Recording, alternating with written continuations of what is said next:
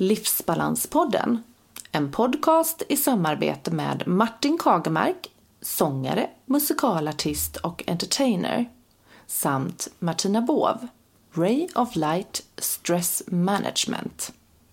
En podcast för alla som är nyfikna på livspusslet, stresshantering och hur man kan hitta sin egen livsbalans. Spännande gäster och mycket intressanta ämnen inslagna i både råa, karga paket, likväl som mjuka, kärleksfulla papper. Hur ska vi leva våra liv i balans i en samtid som ständigt påminner oss om förbättringar, effektiviseringar och jäkt för att få vår viktiga livsbalans? Livsbalanspodden i samarbete med Sockerskolan. Gömmer, ljuger, tappat kontrollen. Känns det igen? Har du överdrivna tankar på mat? Är det svaret på dina problem? Har du testat alla dieter? Det kan vara symptom på ett socker och matberoende. Sockerskolan behandlar socker och matberoendet med tydlig struktur tillsammans med våra beroendeterapeuter och de verktyg du får för att ta dig igenom processen. Du får lära dig att leva livet istället för att överleva. Sockerskolan bedriver sin behandling för sockerberoende via webben på lättillgängligt sätt där du kan öva hemma i din vardag. Du hittar all kontaktinformation på hemsidan www.sockerskolan.se.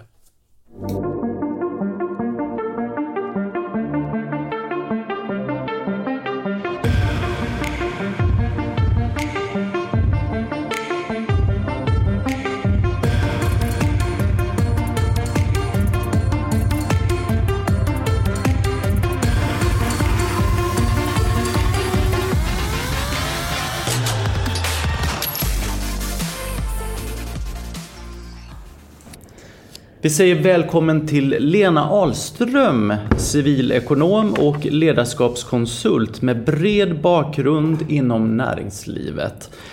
Vid millenniumskiftet så grundade du Ledarstudion och då under namnet Akademin för det uttrycksfulla ledarskapet. Välkommen till Livsbalanspodden Lena! Tusen tack! Hur mår du? Jag mår jättebra. Ja, vad härligt. Ja. Vem är du Lena som person och hur skulle du beskriva dig själv? Vem är du? Ja, det är en djup och stor fråga, men jag skulle nog säga att jag är en, en person som är väldigt omtänksam. Jag bryr mig om människor, jag bryr mig om att alla har det gott och bra och jag kan också säga att, att detta är ju också ett tecken på att jag tycker väldigt mycket om att bygga relationer. Relationer med människor och och också försöka känna in. Jag tror att jag har ett stort mått av empati. Och det handlar ju om att försöka förstå hur människor känner och upplever situationen. Kommunikativ, jag älskar att prata med folk och det har ju varit en överlevnadsstrategi för mig. Kanske vi kommer tillbaka till men, eh, men jag är glad och sen när vi går på, på liksom den mera faktiska så är jag ju entreprenör vid fingerspetsarna och eh, gillar att se resultat. Mm. Verkligen. På alla sätt. Var det för långt svar? Nej, och, och det är första gången vi är här, jag och Martina, ja. i, på Ledarstudion. Och det är fantastiska lokaler här. Mm. Ni har tre våningar. Kan du berätta lite om huset, hur det ja. ser ut här? Ja, det började med jag hade kontakt med en mäklare, 60 kvadrat, och det var en liten, en liten studio. Och då hyrde jag en form av stor teaterlokal för att kunna ha vår träning. För vi jobbar ju med, kommer tillbaka med skådespelare och kommunikationscoacher, ledutvecklare. Och sen har vi vuxit successivt under åren därför att vår hyresvärd är så positiv till vår verksamhet. Så han har ju hela tiden, nu är det en ny lokal på gång, så det har ju fungerat organiskt att vi har vuxit sidled, uppåt, neråt. Så vi har fyra våningar nu. Och det senaste tillskottet är ju bottenvåningen där det var ett museum förut. Det är en gammal skola vilket gör också att, som vi sitter nu i ett, stort gammalt klassrum, högt i tak, höga fönster. Så det gagnar verkligen vår, vårt behov av att kunna träna. Och det är ju små grupper så det är ju inte några föreläsningar vi håller på med utan det är ju frågan om att träna på kommunikation. Mm. mm. Så det här har vi, och sen är det till, har vi tillgång till två terrasser och det är ju en makalös miljö. Verkligen. Jättefina ja, lokaler. Ja, men jag har ju en, en poäng med det här också. Det, och det har varit hela tiden en idé som jag har haft att när man kommer hit ska man känna sig som hemma. Mm. Så att ja, det är ju lite soffor och lite, alla har sina eh, foajéer kan vi kalla det för, där man sitter och fikar när man har en grupp. Så det är inte ett konferensställe dit alla går till stor matsal och fikar. Nej. Utan här är man i sin egen miljö och den är väldigt, ska vara hemtrevlig för att eh, det är ju ganska utmanande det vi håller på med. Ja. Och folk ska känna sig tillit och bekväma. Så då har jag, men det är ju inte så att det står fotografier på barnen och sådär överallt. utan, Nej, utan men det man- är ju, men det ska vara en skön miljö. Och man känner ju det när Ja, man kul, kommer in. Ja, och du sa ju det Martina när du Ja. kom in här. Åh, här skulle man ju kunna bo. Ja, det sa du. Ja, men ja. det sa du faktiskt. Ja. Ja. Nej, men det är verkligen eh, jättehärlig och varm miljö. Mm. Det skapar också livsbalans. Ja, det är verkligen. Verkligen. Och vad har du för erfarenhet av stresssjukdom? Har du själv eh, varit drabbad? Jag, kan inte säga att jag har precis haft en, längre period av stress, men jag tycker stressen kommer och går i livet och eh, jag har ju varit med om rätt stora tragiska upplevelser och händelser för att jag förlorade mina föräldrar tidigt. Så visst har det varit eh, stressiga perioder, det må jag ju säga. Och att driva bolag och jag kan bara titta tillbaka senaste året, det har varit jättestressigt. Men utan de verktyg och förhållningssätt som, som vi jobbar mycket med här så har, jag vet inte hur jag hade överlevt det här året. Vi- Hur gammal var du när du förlorade dina föräldrar? Jag var, jag var ju 21 när mamma dog, men när, hon, när jag var 16 år så kom hon ju hem från en begravning i, i Värmland och eh, kom hem och kom hem. Hon, hon, hon bars hem i ett paket från, med en ambul- och kom med en ambulans på natten. Men hon hade ju varit med i en bilolycka sin- åkte med sin kusin då. Och det var inte roligt. Det var ju liksom på något sätt, jag brukar säga det där förändrades mitt liv. Klockan två på natten. Och eh, mamma behövde mitt stöd och, hjä- och hjälp och jag, jag har ja, ansvar, omtanke som jag nämnde förut är ett viktiga ord för mig och det fick jag ju lära mig där för mamma har ju alltid varit väldigt omtänksam. Det är såna äkta värmländska då. Men, eh, men då fick jag liksom ge tillbaka mycket och sen gick hon ju bort då några år senare för hon fick en hjärntumör. Och det är ju stressigt också för att våra roller blev ju också helt... Förutom ansvar så blev det liksom omvända roller. Jag tog ju hand om henne rent psykologiskt också. Och sen dog pappa tre år senare. Och jag hittade honom hemma i koma. Så att det är två tuffa upplevelser. Ja, det blir ju traumatiserande. Mm. Men, mm. Tufft. Men långt senare som jag har förstått vad mycket jag lärde mig också utav de här åren och eh, upplevelserna. Det är inte bara negativt att, att vara med om en sorg. Nej. Kan du berätta lite om vad du lärde dig? Nej, men det var en, ett område som jag faktiskt blev varse när jag hade jobbat, börjat på SAS. Jag jobbade med intercultural communication då jag, jag tränade folk som skulle bo i andra länder och kulturer. Och då var jag intervjuad av en, en forskare i psykolog från USA. Och det är ett ställe som heter Center for Creative Leadership i Greensboro. Och då hade en av mina chefer i SAS frågat, har du lust att ställa upp? För att han, han vill intervjua folk med en innovativ förmåga och det tycker jag du har Lena. Ja visst, jag kan. Så vi satt och pratade om det här interkulturella som jag hade grundat då i SAS. Och mm, då säger han på slutet av intervjun, och det här var liksom den insikten jag fick, då sa han, får jag, får jag ställa en privat fråga? Ja, fråga på. Har du varit med om någon kris i ditt liv? Eh, jo, det kan man ju säga. Så för mig blir kris kreativitet. Och då var det han, ja men då ska du veta så att alla de vi intervjuar nu, som vi tycker är innovativa och kreativa och som inte fastnar utan hittar lösningar och går vidare, de har kriser i livet, fast på olika sätt.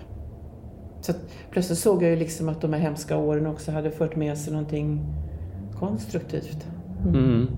Och då är ju samma nu i år med den här eh, coronakrisen har ju också gett mig en, en tid för kreativitet. Hur har det påverkat dig, den här coronakrisen? Hur har det varit jättejobbigt i företaget då? Alltså, Du har kunnat lösa det och du du ser en ljusning nu. Mm. Jag vet att vi kommer att överleva. Precis. Jag vet det. Men det var jag inte i maj. Och då hade vi haft, eh, vi har tagit alla omställningsmöjligheter och vi har fått stöd för deltidspermission, 70 procent. Vi är tre i ledningen som har jobbat. som också är partner i bolaget. Mm. Och sen har vi ehm, ja, sökt alla möjligheter och, och jobbat digitalt också, vilket har gett oss ett kompetenslyft som heter duga. Mm. Och Tillväxtverket har ju uppmuntrat att vi ska lära oss nya saker, mm. vilket alla har gjort med en enorm, eh, enormt engagemang och, och, intresse. Men det som hände i slutet på maj, det var ju, då kände jag plötsligt, gud vi kommer klara oss över sommaren, men vad händer sen? När vet mm. vi att det kommer igång? Vi behöver få in ett par miljoner till så att vi har liksom Ja, det har ju med kontrollbalansräkning att göra, att man mm. måste liksom se till att den inte kommer på minus. Och då kontaktade jag, då bestämde jag mig för en kväll att jag, jag tror att jag ska sälja bort en del av bolaget. Det är ganska mm. billigt för att eh, få in lite pengar. Mm. Billigt för dem för att investera, vilket jag alldeles, de, de, idag, bolaget är ju värt tio gånger de pengarna. Mm. Men eh, jag hade kontakt med en, en investerare som jag känner privat sedan lång tid tillbaka. Och första steget var positivt. Och sen kom han hit och så satt vi och gick igenom och var väldigt eh, ärlig och uppriktig när det gäller liksom good case och worst case. Mm. Och då såg jag såg hur han bleknade. och han liksom, vet du vad sa Lena, jag, jag kan inte investera i det här för vi vet ju inte om det överhuvudtaget finns något i höst. Nej. Det är ju bara att liksom investera och pengarna är borta. Mm. Och jag kan inte heller rekommendera andra att investera. Och jag, alltså panik är ju också en form av stress men jag kände bara, men gud, trodde verkligen att det här skulle vara en lösning. Men han, han knallade iväg i alla fall och sen satt jag här, just i det här rummet satt jag och med en utav mina partners och kollegor och så kom tårarna och jag sa, men herregud vad ska vi göra? Mm. Inga, alltså uppdraget försvann ju på en vecka så det fanns ju ingenting, ingenting. Ingen vågade ses i real life. Men jag går hem, det här var en fredag och då kom det där med kreativitet igen. Mm. Och det var så tur för det här var i slutet på maj så att jag jag började ringa veckan efter till, jag plockade fram 20 av våra riktigt lojala och nära kunder och vänner. Det, det blir ju som, det blir så djupt det vi tränar med så folk blir väldigt, det blir väldigt personligt, privat det vi gör. Så ringer upp de här och så, hur är läget Lena? Nej, det är inte så bra, så jag. Och jag har grunnat på det här men jag har bestämt mig för att vara modig. Mm. Men samtidigt är det ju sårbart. Jag behöver hjälp. Jag behöver hjälp. Vi behöver hjälp. Och, och den är stor den. För, ja, tänk att våga säga det. Våga säga det. Så att jag, nej men jag sa det. det och jag ska inte be om mycket, men har du en person du kan skicka till våra öppna program, tack gode gud att vi både gör öppna program, för det skräddarsydda när man går in och, och, och, jobbar med en grupp i företag var ju inte att tänka på. Mm. Men öppna program där vi samtidigt hade, hade liksom gått igenom hur vi kan säkra renligheten och distansen och allting. Och vi har ju stora lokaler så det var ju verkligen inte ett problem. Jag menar, i så fall kan du inte gå in på ICA och handla heller. Nej, men precis. Så att jag ringde runt. Nu är det väl, eh, då var det väl ett 20-tal före sommaren, nu är jag uppe i 30. Jag fortsätter med det här för det är ju samma läge egentligen. Men av dem så var det väl alla utom två som sa yes, vi skickar den. Mm. Och jag var ju så tagen av det här men, och ett företag han sa Lena, ni får inte försvinna. De har väl skickat över 20. och det har verkligen, så jag fick semester. Jag fick möjlighet att kunna vara i lugn och ro, apropå mm. stress. Det, det var viktigt mm. i sommar att kunna koppla av. Och då räddade vi på något sätt perioden där så att jag sålde väl för 2,5 miljoner. Inte klokt. Men det är lättare om alla skickar en, eller att en ska skicka jättemånga. Mm. Och någon, det är faktiskt så att jag får nämna det också, VDn på Apoteket, Ann Karlsson, en av våra referenser. Hon hade precis gjort den här träningen med sin ledningsgrupp, precis var klar när Corona började. Och vi hade talats vid tidigare och då, hade, då sa hon till mig att eh, kan inte, vi kan inte göra någonting mer nu, för jag har ju ställt den här frågan, har det någon att skicka? Vi har inte bett om hjälp. Så det, det, det, är en stor skillnad. Men då, då, ringde jag igen till henne och jag trodde absolut inte att det skulle liksom... Men då sa vet du vad Lena? Jag har ju inte fler att skicka men vi ska, vi ska faktiskt eh, förändra ledningsgruppen. Så jag köper två dagar istället. Med hela gänget. Så de var här i augusti. Och dagen efter fick jag ett sms. Lena, det här var magiskt. 200% korrekt. Alla var... Det var ju tre nya som bara kom rakt in i ja. gruppen. För att de var här och tränade. Mm. Så Och vad härligt. Det är det- verkligen ett kvitto på att det man blev gör ett det kvitto. bra. Det är ju fantastiskt. Vad gör ni rent praktiskt när du säger det, träning så att eh, lyssnarna får reda på vad det är för någonting? Ja, men det är ju... För mig så... Jag har myntat ett uttryck för jättemånga år sedan och det är att, att leda är att stå på scen. Därför att du... och det går ju tillbaks till att...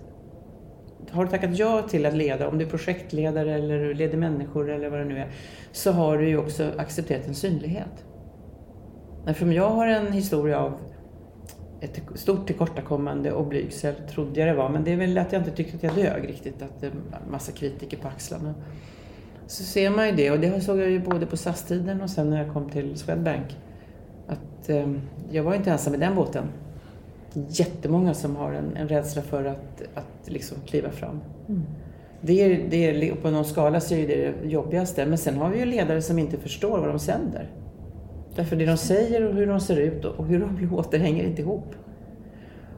Och jag var påklädd på Stadsteatern när jag gick gymnasiet i fyra år och stod bakom scenen och och jag, men gud, alltså det var hela tiden jag jobbade och stöttade dem och fick massera lite på axlarna eller de stod och drog i tapeterna för att de skulle liksom hitta sin avspänning. Och, då märkte jag ju att det här är ju människor som också har en blygsel eller ett, liksom ett tillkortakommande och som kväll efter kväll jobbar upp sig själva och hittar det där fina uttrycket och närvaron förstås. Mm.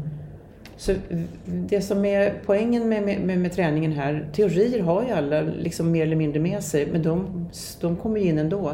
Men vi tränar på konkreta kommunikativa situationer. Och det kan handla om att, att bli jättebra på att berätta en historia. Att förstå att jag pratar för mycket, för många stickspår, så att folk begriper inte vad jag säger. Allt går tillbaka till att vi vill att folk ska vara inspirerande. Och då måste man vara både intressant och begriplig. Så det tränar vi på och då kan det vara för situationer av eh, att de ska presentera någon, någon framtidsmål eller visioner eller uppdrag eller vad de ska göra, så få med sig folk. Eller kanske de ska prata med ledningsgrupp. Hur har det varit de här senaste två veckorna? Och det är ju retoriskt då, det är ju perspektiv framåt eller bakåt. Så kommunikation för mig, det är ju det, är det jag har pluggat också på universitetet. Så att jag menar, att träna på sitt eget, jag kanske är, du som sångare, men instrument. Jag och min kropp, jag har ju tillgång och så i grunden är det ju en otroligt stark personlig utveckling som alla får uppleva. Och folk blir ju väldigt berörda. Men vi jobbar med eh, att fatta beslutsfattande är ju ett kommunikativt eh, situation eller att du ska bli mycket bättre på att lyssna och ta in vad andra säger, duktig på att fråga. Ehm, Ja, ni kan ju räkna ut hundra situationer av, av kommunikativa utmaningar i en, i en ledares vardag. Och det är ju självledarskapet också. Ni frågar ju, vem är du Lena? Ja men det vill ju vi att alla ska förstå. Vem är du? Vem är du? Och vad har du för sätt att positionera dig i din roll som du har? Vad har du för roll? Förstår du dina roller? Ja, den är intressant för att det tvingar ju ehm, gästen att gå, att se sig själv inifrån. Mm. Men också i ett bredare perspektiv. Mm. Så att det är därför vi har med frågan för att, Mm.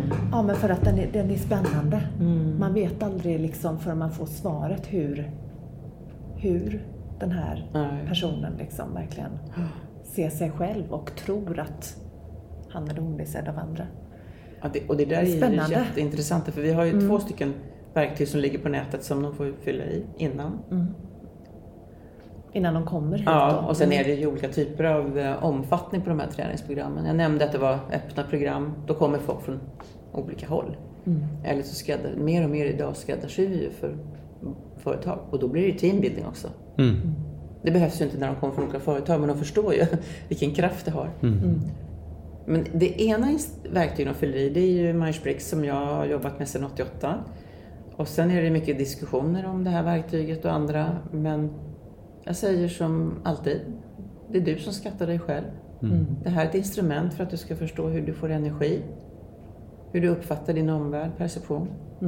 Hur du bedömer din omvärld och fattar beslut, för formar åsikter. Och den sista dimensionen som då Isabella Myers och Catherine Briggs la till, det är ju att jag ändrar är en person som hela tiden riktar ut att jag är perceptiv. Så att jag bara tar in tusen grejer. Eller att jag är en person som vill organisera, bedöma och avsluta. Mm. Men vi är allting. Det är det som är hela nyckeln, att vi har ju allt i oss. Men vi föredrar ett visst sätt. Och det där är krockar. Så när vi jobbar med till exempel en modell kring konf- konfliktlösning så sitter ju folk här med som så- ser ut som fiollådor. Oj, svarar ni så här? För de får ju uppgiften samtidigt, så går de iväg i olika rum och löser en uppgift med kanske fem frågeställningar. Och berättar liksom hur de skulle lösa en konflikt och vad den beror på. Och det är ju så kul när de plötsligt inser att du är ju inte arg på mig. Det var ju någonting som i sakfrågan var fel. Mm. Det är så kul med de här grupperna och eh, förutom det andra verktyget vill jag säga också, det är ju ett verktyg som handlar om att lista och prioritera sina viktigaste värderingar. Och det är, ju, det är ju dina och dina drivkrafter och mina också. Mm. Och närvaro är en driv, drivkraft för mig, men också eh, omtanke, Mm. kommunikation, ansvar, leda. Idag vet jag ju när folk frågar vilken är din viktigaste värdering? Men när vi ställer det i gruppen så sitter de också så ut som stora frågetecken. Mm. Vad är din viktigaste värdering Martin? Ja du. Ska man svara på det så? Får man lite... Ja, precis. Det är jättesvårt. Min viktigaste värdering? Mm. Ja, men att vara närvarande Du, också, tycker också det? Ja. ja. tycker jag är jätteviktigt. ja. Mm. Och du då? Ja, jag har nog lite, lite olika saker. Jag går igenom en, eh, en liten livskris för tillfället. eh, och det gör väl att eh, värdegrund.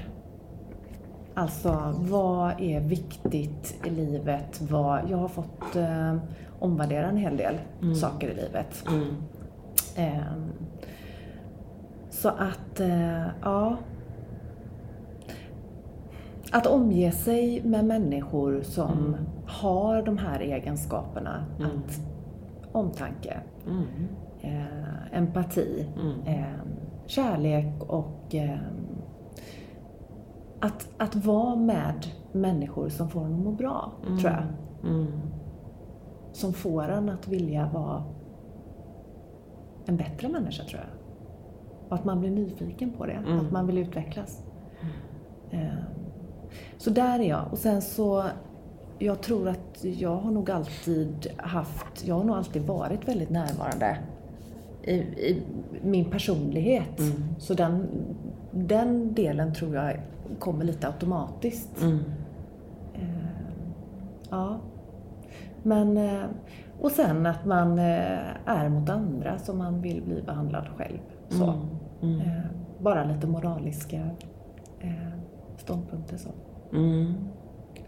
Det är så intressant det du säger nu. För Ja. att du börjar ju med att säga att du också är inne i någon typ av omställning. Ja, Och, det, och, och då, det här är precis det vi gör i, i träningen, att när vi pratar värderingar och folk börjar reflektera kring vad man, vad man är i livet så använder ju vi den här bas, klassiska, enkla Maslows trappa. Mm.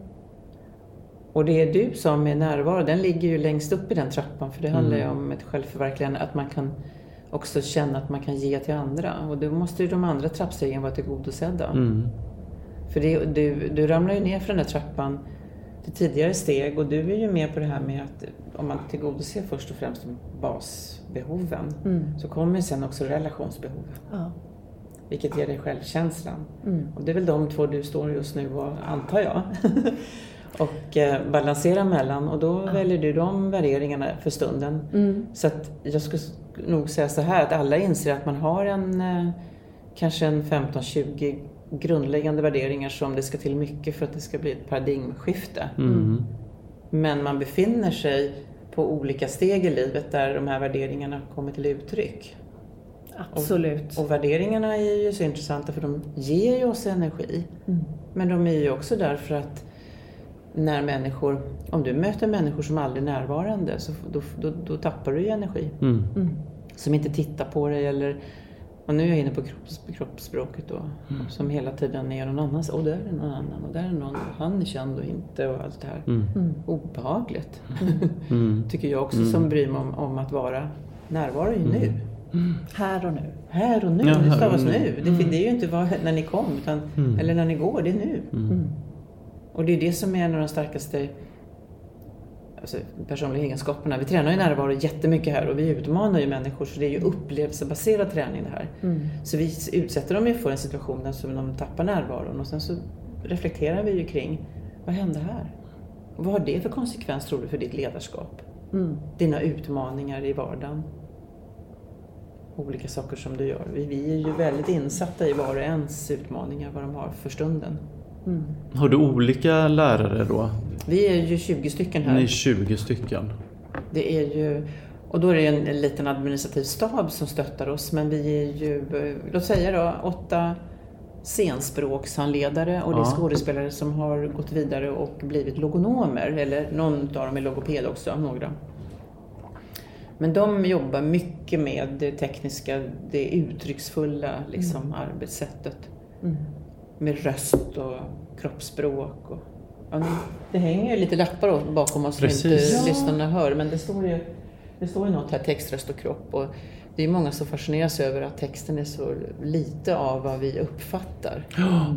Men, men den är ju viktig, det har inte med vikt att göra utan det har ju med, om en, en, en företagsledare eller en eh, ekonom ska stå och presentera ett bokslut så är det ju jätteviktigt att det är korrekt och rätt och man beskriver det. Men det kan göras på ett spännande sätt. Men det är ju rösten och kroppsspråket, den 90 procenten, som, eh, som folk tolkar in.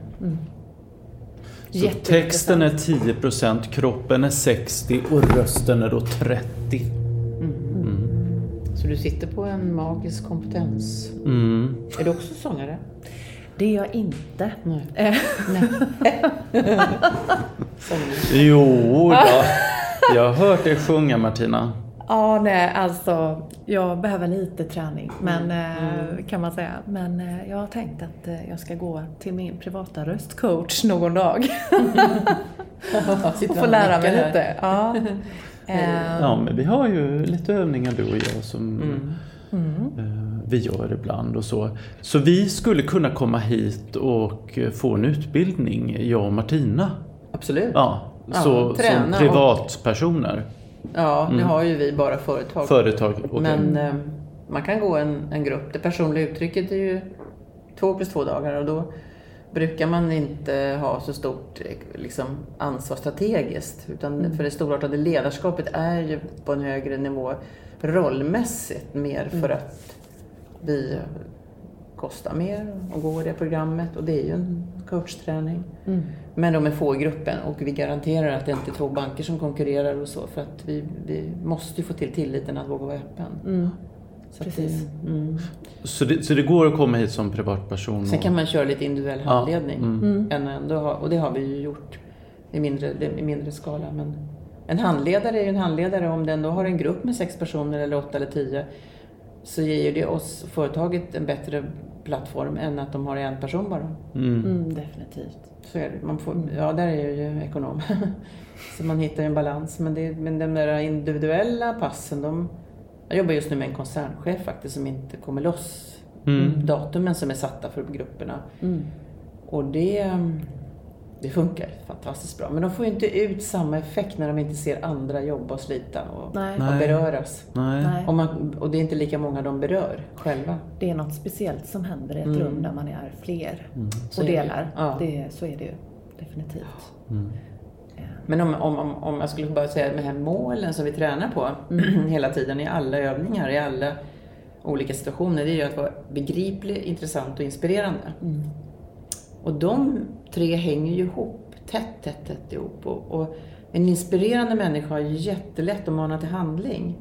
Och få folk att göra saker eller sluta göra och få med dem på tåget och engagera. Alltså, det kommer ju ett engagemang ur en inspirerande ledare. Mm. Som man får tillit till och känner trygghet med och allt det här. Mm. Det kräver att ledaren är intressant. Och, och det är nämligen så att där, i, den, i den målnivån så ser vi till att folk också lär sig förstå hur de väcker känslor. Tror du man kan ha den biten naturligt? Eh, en, del, en del har lätt för att väcka intresse Mm. och förstår inte varför, men vi hjälper dem att få dem att förstå varför de är intressanta. Mm. För nu, nu, poängen är nämligen så här att folk kommer inte ihåg vad vi säger. Kanske inte alltid vi säger här, men de kommer ihåg känslan av samtalet. Mm. Det var intressant eller det var obehagligt eller så fort vi väcker känslor så är man ju på mer än det kunskapsmässiga i huvudet. Vi är ju på något emotionellt här inne i, i bröstet, hjärtat, magen.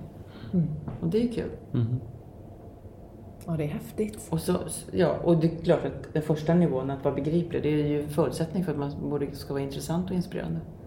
Så vi jobbar och, och när, man, när man går en träning här så får man tre saker. Vi har jättemånga verktyg som kommer ifrån i retoriska världen, det är språkliga.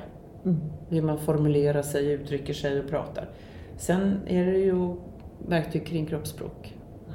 Och rummet och inta och kontakt och hur man liksom skapar en känsla. Och rösten då. Så man, oj oj oj vad mycket man kan göra med rösten. Som inte folk förstår. Och vad, vad många har jobbiga röster också. Mm. Knarriga och allt möjligt. Ja. Men eh, det som är roligt med de här verktygen det är att då tränar vi handledare deltagarna en och en.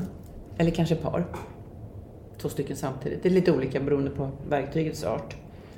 Och när alla har gjort ett sånt här moment, som är liksom en del utav ett, ett pass då, då sätter vi igång en reflektionsrunda kring hände, kände, lärde. Hur kändes det här? Hur, vad, tar du med, vad tar du med dig? Vad får du för insikter? Vad kan du använda det till? Och när alla delar det med varann så blir det ju ett kollektivt lärande. Och det är häftigt. Men de får, inte, de får inte kommentera varandra under träningen. Nej, det var det jag tänkte komma till då. Mm. Absolut inte. Då stopp. Alltså jag...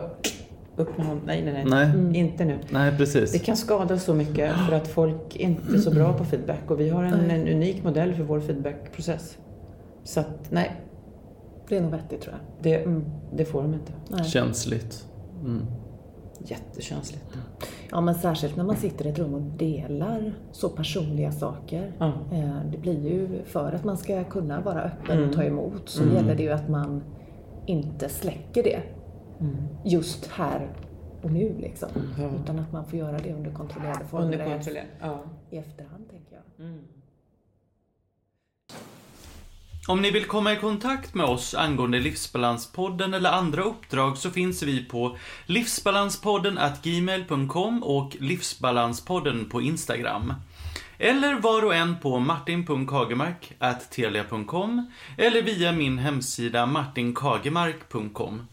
Och mig Martina på martinabov gmail.com eller på Instagram Ray of Light Stress Management.